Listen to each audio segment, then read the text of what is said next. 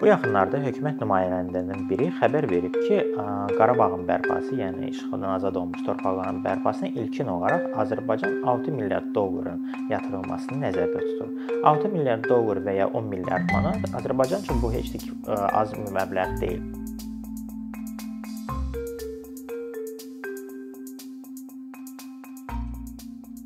Müqayisə üçün bildirə bilərəm ki, bizdə illik dövlət büdcəsinə investisiyalara ayrılan vəsait həcmi 5 milyard manat həcmi ə, civarındadır. Yəni bu 2 illik faktiki olaraq investisiya xərcləridir. Nəzərə alsaq ki, ə, Qarabağdan başqa digər bölgələr də var. Yəni bu ən azı 2-3 illik dövrü əhatə edir. Amma bundan başqa ə, elan edilib ki, bu yalnız ilkin olaraq yatırım vəs vəsaitdir.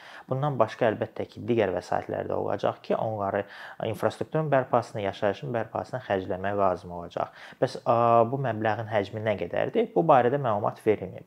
Amma bunu başa düşmək üçün biz digər sənədlərə istinad edə bilərik. Məsəl üçün 20 il əvvəl xüsusi komissiya yaradılmışdı Azərbaycanda və o onun məqsədlərindən biri idi, biri ziyanın qiymətləndirilməsi və eyni zamanda bərpasına lazım olan vəsaitlərin həcminin müəyyən edilməsi idi. Məhz o komissiyanın sənədlərinə istinad etsək, biz görə bilərik ki, bərpa işi o qədər də asan bir iş deyil və çox mərhələli bir işdir. O komissiya müəyyən qədər optimistik yanaşmışdı bu məsələyə və onlar bərpa işi 3 mərhələyə bölmüşdülər və hər bir mərhələ 1 illik idi. Yəni 3 il ərzində hər bir bölgənin bərpası nəzərdə tutulurdu. Yəni Ağdam rayonu üçün 3 il, Füzuli rayonu üçün 3 il və s. Əlbəttə ki, bu çox qısa vaxtdır və paralel işlər həyata keçirilməyəcək və əlbəttə ki, işlər daha uzun müddət tələb eləyir. Amma ən azı müəyyən qədər bizim üçün əsasdır bu. Birinci mərhələdə əlbəttə ki, minadan təmizlənmə nəzərdə tutulurdu. Bu sənədin istinad etdiyi rəqəmlər 400 kvadrat kilometr minadan təmizlənməli idi. Amma məsəl üçün bu yaxınlarda aparılmış bəzi hesablamalara görə bu ərazi ən azı 2 dəfə çox 800 kvadrat kilometr təşkil edir və eyni zamanda nəzərə almaq lazımdır ki, şərait tamamilə dəyişib. O zaman döyüşdən sonra bərpa nəzərdə tutulmalıdır. Döyüşdən sonra bərpa o deməkdir ki, partlanmış hərbi sursat da var. Yəni ondan da təmizləmə. İşğaldan azad olmuş, yəni rəsmi olaraq azad olmuş və bizə qaytarılmış tamamilə bizim nəzarətimizdə olan ərazi isə təxminən olaraq 9000 kvadrat kilometr kimi ərazidir. Əgər biz 2016-cı, 2007-ci ildə baş verən ə, hadisələrdən sonra Cocuq mərcanının qaytarılmasını nəzərə alsaq, onun təcrübəsini hesablasaq, elə alınır ki, bizə təxmini olaraq bu bərpa işlərinə yalnız 630 milyon manat lazım olacaq. Yalnız minadan təmizlənmə işlərinə. Yəni bu hələ yalnız birinci mərhələ idi. Bundan başqa Ondan sonra növbəti mərhələdə artıq infrastruktur və yaşayışın bərpası baş verməlidir. 20 il əvvəl tərtib olunmuş sənədə görə yalnız evlərin tikintisi, yalnız evlərin təminatı və köçürülməsinə ən azı 4 milyard manat lazım olacaq. Amma biz başqa bir sənədə də istinad edə bilərik. Bu da Dövlət Neft Fondunun hesabatlarına.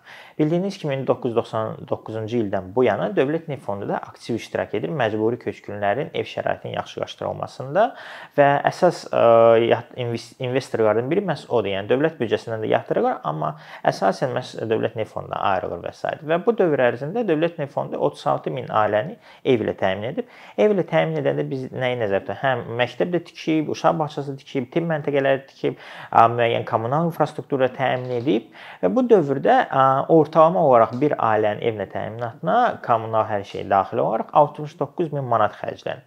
Yəni bunu biz bütün ailələrə hesablasaq, nəzərə alsaq ki, məcburi köçkün ailələrin sayı 150 mindir.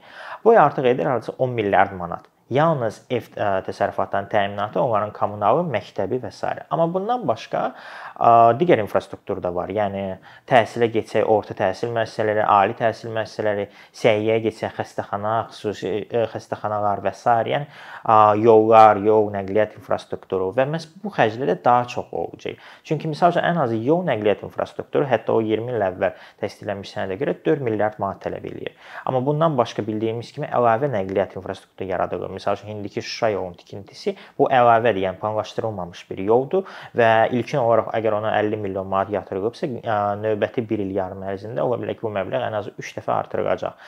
Və bununla bərabər olaraq dəmir yol infrastrukturunun bərpası çünki ondan demək olar ki, heç bir şey qalmayıb. Yəni 20 il əvvəlki sənəddə elə bir ən azı minimal nəsə qalmışdı. O o dövrə elə hesablanmışdı. İndi isə ümumiyyətlə heç bir şey qalmayıb və bu daha da çox xərc tələb edir.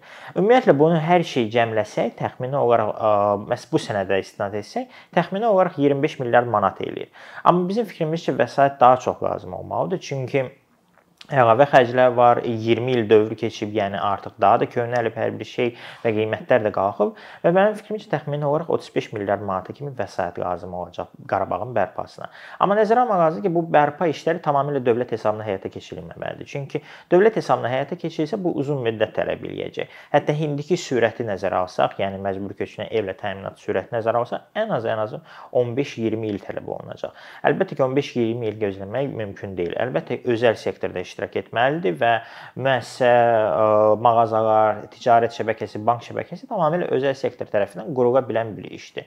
Və bu 30-35 milyard manat vəsaitdən yalnız yarısı fikrimcə dövlət tərəfindən yatırıla bilər. Qalan yarısı əlbəttə ki, özəl sektor və ya xarici investisiyalar hesabına həyata keçirilə bilər. Çünki orada müəssisələrin tikintisi, kənd təsərrüfatının inkişafı bu və digər formada dövlət tərəfindən dəstəklənsə belə ən azı özəl sektorun hesabına baş verə bilər. Yəni cəmi olaraq biz deyə bilərik ki, təxminən 30-35 milyard manat vəsait lazım olacaq və təxminən olaraq 5 il ərzində yalnız əsas infrastruktur obyektləri, əsas yaşayış məntəqələri bərpa oluna bilər, amma 10 il ərzində biz ən yaxşı halda bu bütöv olaraq bölgəni bərpa edə bilərik.